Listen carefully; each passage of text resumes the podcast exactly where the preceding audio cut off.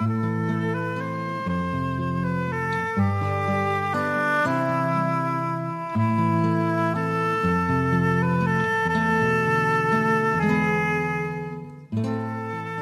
nou is dit tyd vir kortom. Welkom. My naam is Margolet. Vanaand gaan ons luister na 'n verhaal uit die bundel Die wond en ander verhale. Dit bestaan uit die 21 beste verhale van die De Kat Antenne Sambou en Haam Literêr se kortverhaalwedstryd van 1991. Dis 'n wonderlike bundel, 'n heerlike bundel. Ons het nou al 'n paar keer daaruit gelees. En vanaand gaan ons 'n verhaal lees van Marlene van Niekerk wat sy noem die storie van my neef. Susan Beyers gaan dit lees. Lekker luister.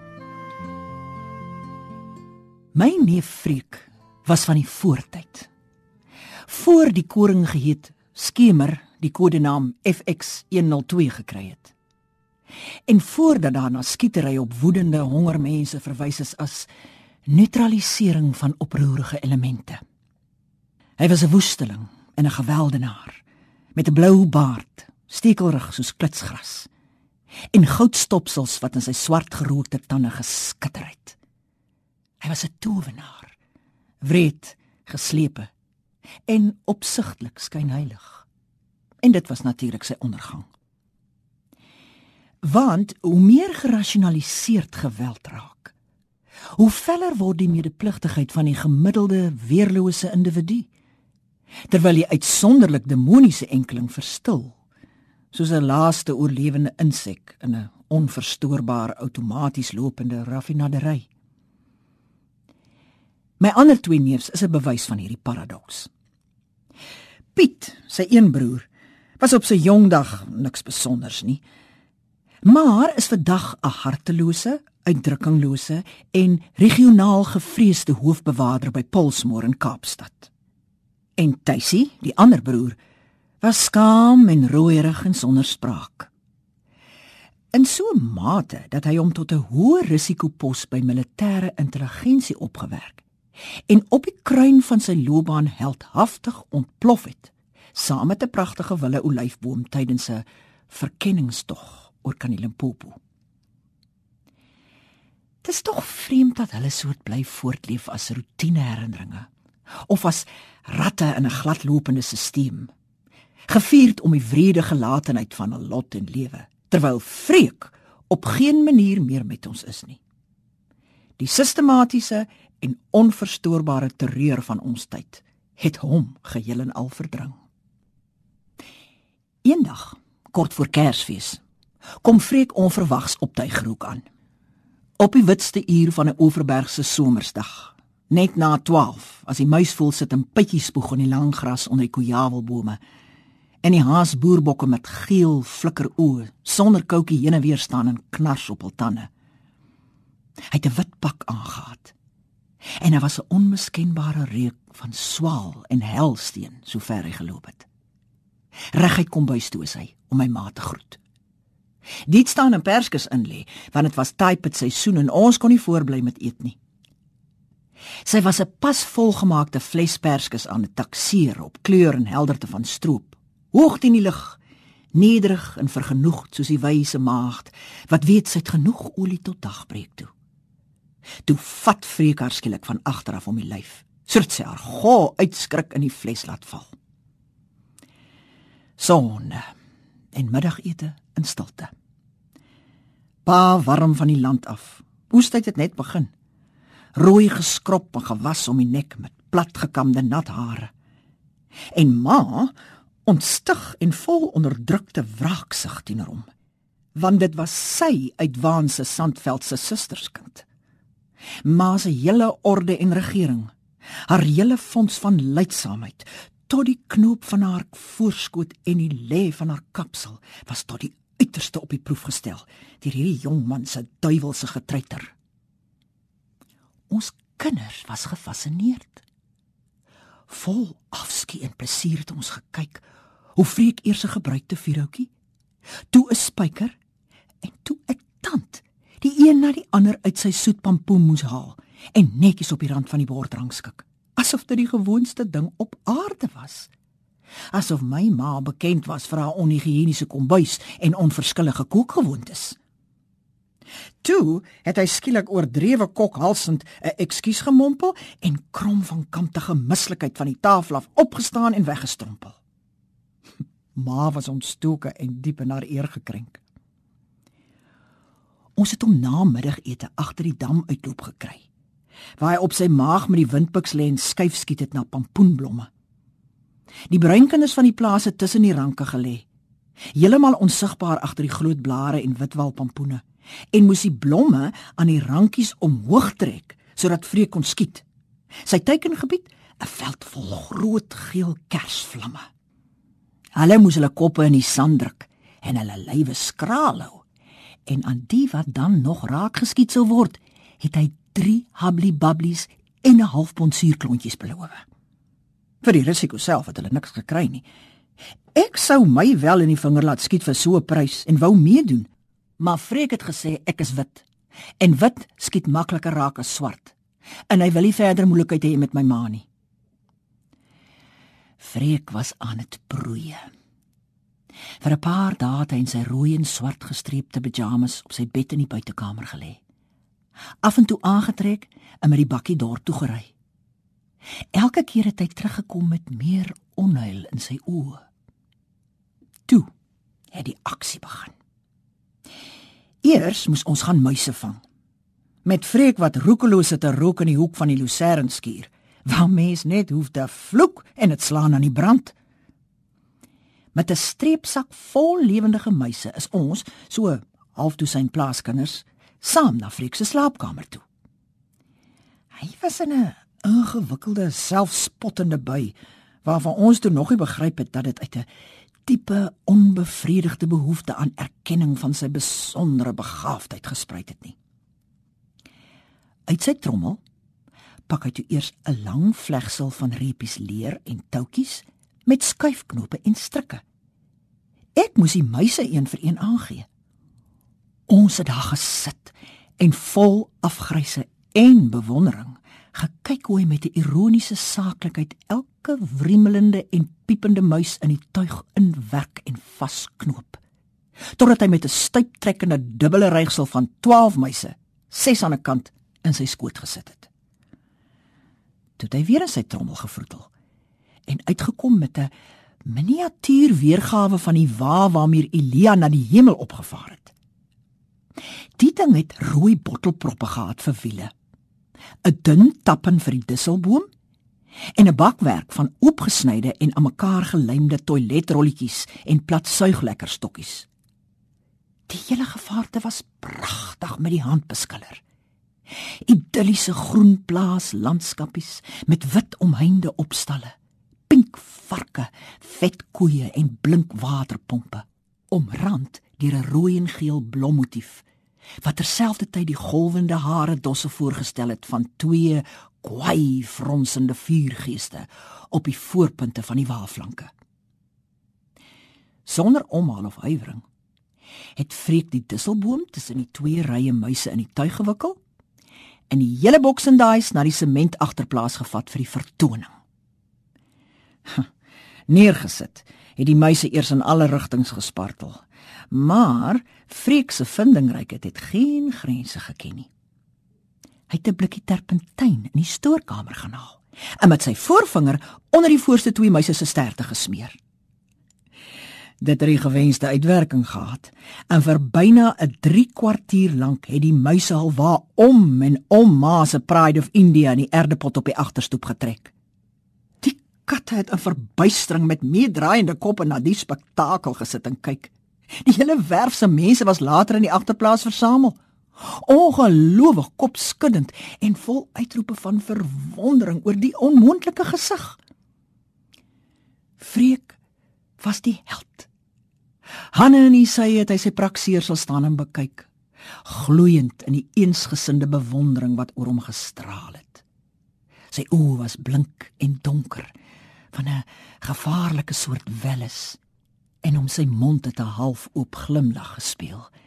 Effens liet vermakerig met 'n swem van siniese selfingenomenheid. Sy goue stopsels het die son gevang en vreemd gefonkel. Pa was stil en stroef op die agtergrond. Op sy gesig was iets soos 'n ou onnoembare vrees te sien. Vreker het gesien. En beter as ons almal verstaan wat die uitdrukking beteken het. Maar hy was onstuitbaar en het hom uitgedaag daar voor almal. En pa was magteloos teen die ewel fantasie.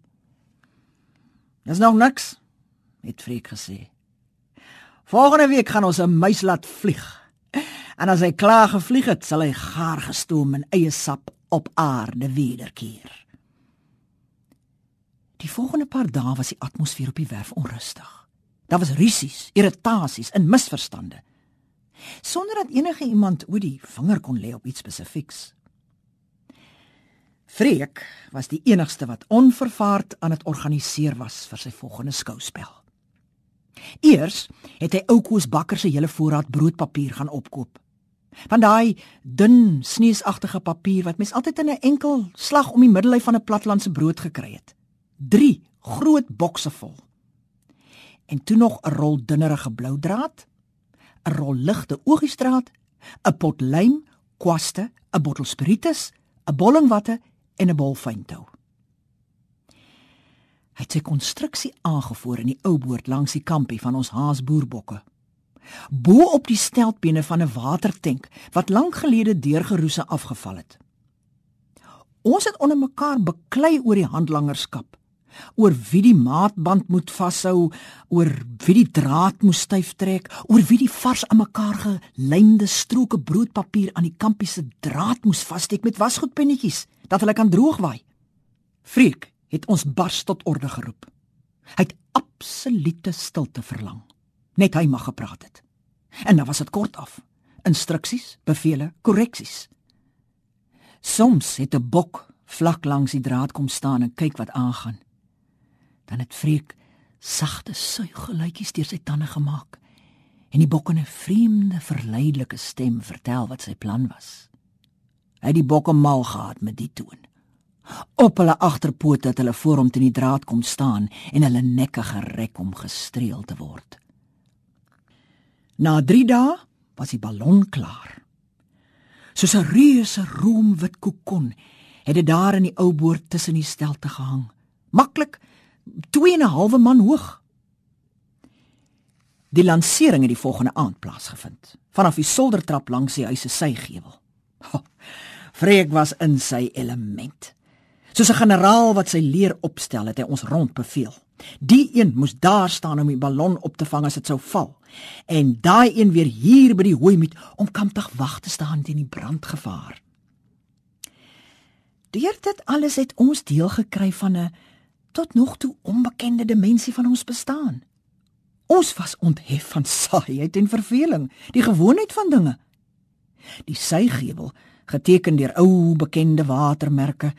Die solertrap met sy afskilferende groen verf waarop ons altyd gaan sit het as daar niks anders was om te doen nie. Die lekwartboom met die papier vol verskrikker in die top. Die ganse landskap van ons onskuld en geborgenheid. Alles het in die teenwoordigheid van ons flitsende aanvoerder die allure van 'n arbitreëre dekorstel gekry. Vol vreemde, onvanselfsprekende rekwisiete wat na die willekeur van die verbeelding met enige gewig of betekenis beklee kon word. Maar se aankos, wors, roereier, tomaties, brood en melk het verlate op die tafel in die helder kombuis bly staan. Niemand wou eet nie. Buite was die nag 'n diep verloklike blou. 'n Baaierd van grenslose moontlikhede. Niks het meer vas of seker gelyk nie. Dit was kompleet of ons huis, die beddings Jakob regoppe, die ver af verligte kerktoring van die dorp, tot selfs die spitse van die lange berge aan die noorderkim in blote voorlopigheid bevestig was. En by die geringste wens of dwarswindjie ontheg kon raak en opstyg om uiteindelik as 'n fantastiese bestel tussen sterre herken te word. Freek het 'n dik pluis watte vasgedraai met dun tou in die spiritus geweek en in die na binne opgeboude draadring in die opening van die ballon vasgewikkel. Die ding het gehang bo kan die soldertrap se boonste treetjie. Gitaartjie, pa se voorman, het wydspeen op die nok van die sygevel gesit en die ballon met 'n visstok in die lug gehou. Ek self was in die gevelvenster van die solder opgestel en moes op die regte oomblik die vishoek van die draadhakkie bo aan die ballon loshak. En toe het Freek omgedraai en ondertoe geroep: "Toe toe, waar is die gewiggie dat hy mooi reg op in die lug kan bly?" Pa was by op die trappie onder Freek, wagtend op hierdie beslissende oomblik. Vanuit die soldervenster kon ek goed sien wat gebeur. Reg in Pa se gesig het ek gekyk helder verlig soos dit was deur die stormlamp wat ek by my gehad het. Hier Frederik het hy hom op sy doopnaam aangespreek. Hier's vir jou 'n klippie.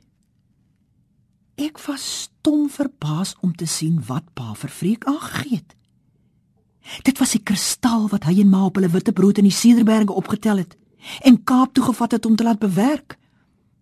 Daar's nou nog in 'n album erns 'n foto van ma en pa lagend en windverwaai op 'n sypaadjie in Adderley Straat, gekyk deur 'n straatfotograaf op die einste dag toe hulle hulle fonds tot 'n perfekte oefaal laat slyp het. Dit was 'n soort pand, het ons intuïtief geweet, wanneer pa dit vir ons uit die middelste van sy lesenaar se duiwehokkies haal, waar hy dit altyd weer na besigtiging terug op sy plek gesit het. Maar selfs hierdie helderste en gladste van kleinhoede was nie 'n groot genoeg offer nie. Ag nee, wat oom, hou maar oom se ou klippie. 'n Mens moet 'n lewendige gewig hê vir hierdie soort ding, het Freek geantwoord. Met in sy stem die autoriteit van die ekspert wat weet dat hy eintlik enige versinsel aan gewone sterflinge kan voorhou as 'n tegniese noodsaak. My mater Samuel, 'n kataartjie se kind, het in die trap opgeskarrel met sy beentjies trillend van opwinding. In sy hand was 'n opgeblaaste, deurskynende plastieksakkie met 'n lewendige streepmuis daarin. Hy het deur pa se bene gedruk om by Freek uit te kom. "Hier sy, hier sy," het hy gehuig. Sy oë star van verering vir die doel wat alle middele dubbel en dwars sou heilig. Pa het stroef die trap afgeloop en onder gaan staan by ma in die leentjie en my baba Boetie wat met sy groot kop heen en weer knikkend in sy kinderwaandjie gesit het. Ek was deurmekaar. Aan die een kant trots om so 'n belangrike funksie in die gedoente te hê. Aan die ander kant verlangend om onder by hulle te wees. Toegerus met sy lewende gewig, was die ballon uiteindelik gereed om opgestuur te word. Freek het vuur gemaak onder die gat en die groot wit gevaarte het stadig volgeloop met 'n diep geel gloed en langsaam wiegend besiel geraak deur 'n eie stewende wil na bo. "Hak los, hak los!" het Freek gebuller. "Gee pad met die stok sodat die streepmeisie see kan sien." Ver by die raam het ek uitgeleen, die vishoek losgehaak en my kop ingetrek sodat die ding sy gang kon kry. Duim vir duim is my hele uitsig deur die venster versper. Ek was vreeslik benoud. Dit het gevoel of my eie bors stadig aan dit volloop was met 'n taai vreeslike stroop wat te swaar was vir die dun vliese en die teer wande wat ek in my binneste vermoed het. Ek het my oë toegemaak. En toe ek weer kyk, was dit die muis wat ek gesien het met sy sagte pink pens vasgedruk teen die wand van die bengelende plastieksakkie en sy pink potjies reeds moeg, vaag krabbelend teen die gladde oppervlakte. Sy kraaloogies van hoopig aan dit soek na uitkomplek. Het hy daar voor my gehang. Ek het die lantern gegryp en woes by Freek verby teen die trap afgestorm en my kop teen pa se kakiebroek gaan druk sodat die gedruis in my ore kom betaar. My vertwyfeling was egter van korte duur. Want dit was 'n weergalose gesig die stralende ballon wat sag soos 'n pragtige halfherinnerde droom weggedryf het in die fluwelige Oeverbergse nag. Toe die ballon goed hoogte gekry het, het die telefoon begin lui. Eers was dit oupa Resou, die baas van Orion Byscope. "Mister van Niekerk," het hy oor die foon geskree. "Daar's nou 'n blerrie snaakse ding daar bo by jou in die lug, sien jy hom?" "Ja, seker meneer Resou," het pa geantwoord met 'n vonkel in die oog. Sy bedenkinge swigtend voor sy verbeelding. Ons hou hom onder skoot. Al my algewere staan klaar gelaai hier op die stoep. Ons dink is 'n vleiende piering. Kragties mistig van Niekerk. Kan dit nou waar wees? Miskien is dit eerder ons en Here Jesus wat terugkom. Nee, meneer Rousseau. Die tyd is wel ryp, maar nog nie heeltemal nie. En buitendien het hier nou net 'n vreemde onchristelike groen straal op die werf geval. Ek dink is marsmanne wat te veel turksvye geëet het. daarmee het pa so aan die lag geraak dat hy maar die telefoon neergesit het. Onder op die werf was Apie, die bouer se mal ou vrou, paaie deur die opslagkannas om hulle huis aan het hardloop, 'n tuinslang op volle sterkte krullend in haar hande. Al die honde op die werf het geblaf en Freek het op die boonste sollertrap bly staan met sy hande in die sye. Sy kop agteroor gegooi asof hy pas eie handig die melk weg en verder geskaap het. Daar was seker 20 telefoonoproepe die aand. En afhangende van die geaardheid van die betrokke persoon en die orde van sy misdraginge, het pa stories opgemaak oor die sin en herkoms van Freek se ballon dat dit 'n eksperiment was van die weerstasie op Protem om die lugbesoedeling van die kalkfabriek te meet. Dat dit 'n traagvliegende verkenningsmissiel van Uisterplaat was wat ook alle onwettige jag op beskermde wild geregistreer het. Dat dit 'n waarskuwingsteken van die god van die skemer was, dat die runsboere hulle saaigronde oorbemes, dat dit 'n vuurkolom was, soos die een wat die Israeliete uit Egipte land gelei het. En dat dit die uittog van die oeverbergers uit die heerskappy van gierigheid, snobisme en rasisme aangekondig het. En so het pa met al die fantasie tot sy beskikking die langsame gang probeer heilig van die mees skitterende van alle marteltye. Vervaardig deur sy susterskind. Gelanseer vanaf sy soldertrap en hangend soos 'n vuurige swaard bo die ruisende graanlande van die Oeverbergse plase soetmelksvlei, heuningrug, blydskap, beendon, varslig en weltevrede. En dit was wel nodig, pa se liegstories. Dit was die skrale troos van die regskape verbeelding. Want toe die ballon later uit sig verdwyn en ons met die jeep vol nat sakke en dromme water lande toe gejaag het, het ons onderaan die uitgebrande ballon verstrengel in halfgesmelte plastiekrepe die muis gekry. Nog spartelend en heeltemal kaal geskroei. Ons het die vuur gou onder beheer gehad maar pa het bekommerd gebly. Eers was iets nog nie uitgewoed nie. 'n week later die nag voor Freek se vertrek sy trommel ingepak in die portaal sy wit pak skoon en gepars aan sy kas deur opgehang het die hel losgebreek op Tygerhoek. Pa het my in die leentjie kom wakker maak. Dit was al diep in die nag. Daar was 'n skerp brandreuk in die lug en 'n magtige aangroeiende gedruis. Pa was wit in die gesig. Hy het ons skoene en kamerjasse maak aantrek. Ma was rasend snel met boete op die heup 'n koelsak aan dit vul met die inhoud van die yskas en die broodblik. Die Opel was al uit die garage getrek, gereed by die agterrek. Pa het ons aan die hand voorstoep toe gelei om ons vir die res van ons lewe attent te maak op die verskrikkinge wat opgewek kan word deur 'n ontspoorde fantasie. Die suidoos het werf opgewaai en die berg het gebrand. Ek het aan Moses gedink wat op sy gesig voor die brandende braambos neergeval het. Maar dit het na uitermate banale moontlikheid gelyk ten aansien van soveel geweld uit die knetterende spiewende bek van die vuur het van die rivier se kant af alles wat leef die werf oorswerm. Springend kruipend en seilend op ons huis af. Voor aan die waterbokke en die klipspringertjies blærend en verwilderd verder die springhase en dassies die uistervarke molle muise otters silverjakkalse slange en torre. Dikkoppe en tarantale was die hele lug vol in 'n deurmekaar fladderende paniek Agter die huis het een van die haasboerbokke 'n uitsingwekkende keel opgesit. Nog nooit het ek 'n bok so oorskree nie. Pa het in die chaos agtertoe geroep dat Frederik hulle uit die kamp moes gaan jaag. Daar was geen antwoord nie. net die gedruis van die vuur wat al nader kom. Die orde was so seer versteur dat die wonderwerk wat toegebeur het ons met vrees eerder as met dankbaarheid vervul het. Dit het naamlik begin reën.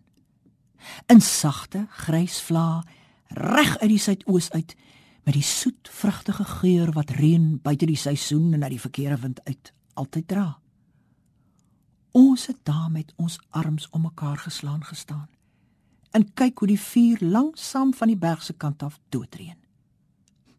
Ons neef was nêrens te sien nie. Voor ons omstasie toe gevat het die volgende oggend, het ons van die stoep af gesien hoe hy nog 'n draai op die werf loop soos 'n soort inspekteur. Ons het gestaan en kyk hoe hy hande in die sye die verwoesting om hom opgeneem het. Hier en daar het wit pluimpies rook nog uit die swart gebrande berg opgeslaan. Hy het stadig teruggestap, versigtig om nie sy klere vuil te maak of sy skoene te besmeer aan die verkoelde dierekarkasse nie. Sy wit klere was nietemin vol swart roetstippels toe hy in die motor klim. En ma het gesê: "Moenie probeer afvee nie, dit maak net strepe." Verder het niemand veel te sê gehad nie. Terug by die huis het pa en ek 'n bietjie gaan rondstap om na te dink oor wat gebeur het en oor wat eers gedoen moes word. In die ou boord het hy my skielik met 'n God almagtig net so gelos en deur die draad van die boerbokkampie geklim. Die hek was stewig op knip. Dat 'n haasbok met 'n bloederige gebreekte nek in die suipkrib gelê. Rondom was die gras vertrap en aan die spore in die modder kon mens sien dat daar 'n worsteling moes gewees het. Die ander bokke het skie in die hoek van die kamp saamgedrom. Oor die bok se oop oë was daar 'n nat grys vlies, soos die wasem smorens op 'n Kersbruin. Ma het ons op die agterstoep ingewag met 'n bondeltjie. Die gestreepte pyjamas waarin Freek geslaap het. Die broek was nat en vol modder. Op die sitvlak 'n paar rooi-bruin vlekke waar hy sy moordenaars vingers afgevee het. Pa het gelyk of hy weet wat daar aan die agterkampie gebeur het.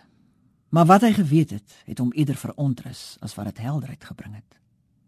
Met iets gemompel van groot onheile wat groot offers vra en dat dit alles 'n bestuuring was.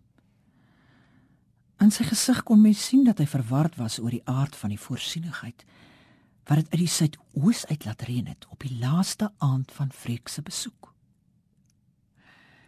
As kind het ek my neef daarna nooit weer gesien nie. Jare later was ons 'n keer in Natal op reis.